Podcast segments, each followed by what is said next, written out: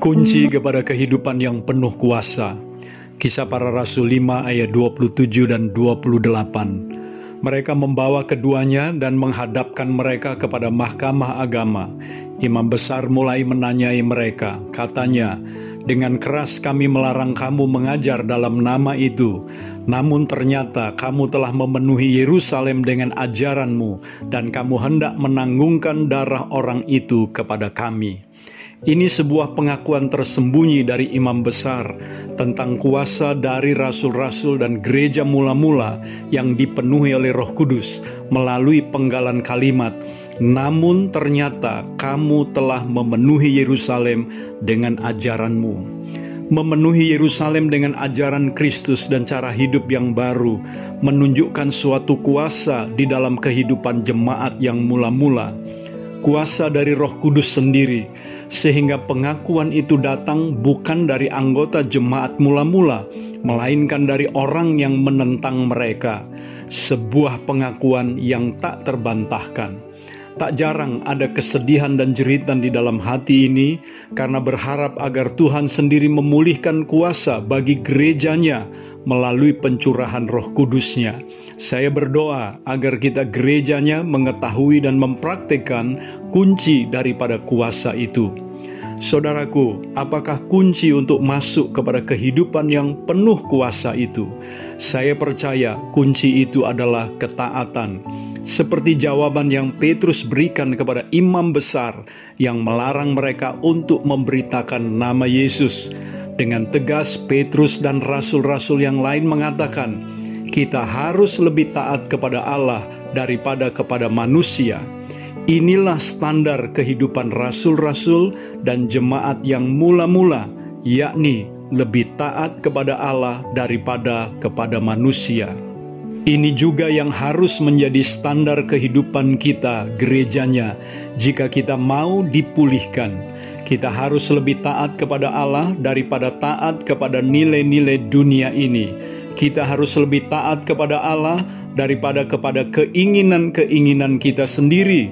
Kita harus lebih taat kepada Allah jika pilihan yang kita buat untuk taat sepertinya akan mendatangkan kerugian bagi diri kita sendiri. Bahkan kita harus tetap lebih taat kepada Allah jika hal itu harus membuat kita menjadi tidak populer di mata dunia atau orang lain. Ketaatan kepada Allah adalah pilihan satu-satunya jika kita ingin melihat gereja akan memenuhi kota dan negeri ini dengan hadirat Kristus yang penuh kuasa. Ketaatan harus menjadi standar kehidupan kita juga jika kita ingin gereja menjadi berkat Gereja yang mula-mula menjungkir balikan dunia dalam arti positif tentunya, karena setelah dipenuhi Roh Kudus, rasul-rasul dan jemaat juga terus memberi diri mereka untuk selalu taat kepada pimpinan daripada Roh Kudus. Kisah para Rasul 5 ayat 32 mengatakan, Dan kami adalah saksi dari segala sesuatu itu, kami dan roh kudus yang dikaruniakan Allah kepada semua orang yang mentaati dia. Perhatikan kata-kata Petrus, kami dan roh kudus, menunjukkan adanya suatu kerjasama yang baik antara rasul-rasul dengan roh kudus.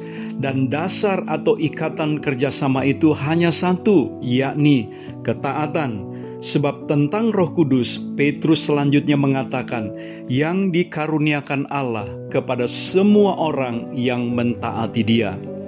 Jelas, Roh Kudus tidak bisa bekerja sama dengan kita untuk menyatakan kuasanya tanpa kita bersedia untuk taat kepadanya.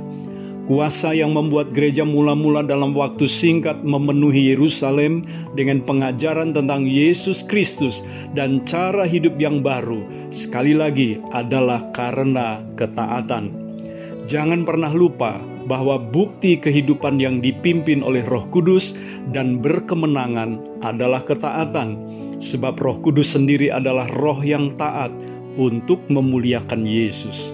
Jangan pernah melupakan juga akan ketaatan Tuhan kita Yesus Kristus, sekalipun Dia adalah anak Bapa. Ibrani 5 ayat 8 mengatakan, dan sekalipun ia adalah anak, ia telah belajar menjadi taat dari apa yang telah dideritanya. Justru karena Yesus adalah anak Bapa, maka ia harus hidup dalam ketaatan. Tidak ada dispensasi bagi anak Allah untuk tidak taat. Begitu juga bagi kita anak-anaknya. Kalau kita mau dipenuhi dengan Roh Kudus, kita harus belajar taat, dan jika kita sudah penuh dengan Roh Kudus, maka kita juga perlu terus-menerus hidup dalam ketaatan kepada pimpinannya. Jangan tertipu dan mengikuti pikiran manusia kita yang sering berkata, "Taat itu susah, taat itu kalau kita sudah kuat." Sebaliknya, firman Allah berkata, ketaatan akan membuat kita berbahagia. Mazmur 1 ayat 1 sampai 3. Kalau kita taat, justru kita akan semakin kuat. Matius 7 ayat 24 sampai 25. Seterusnya Yakobus 1 ayat 25 mengatakan, tetapi barang siapa meneliti hukum yang sempurna, yaitu hukum yang memerdekakan orang, dan ia bertekun di dalamnya. Saya ulangi, dan ia bertekun di dalamnya.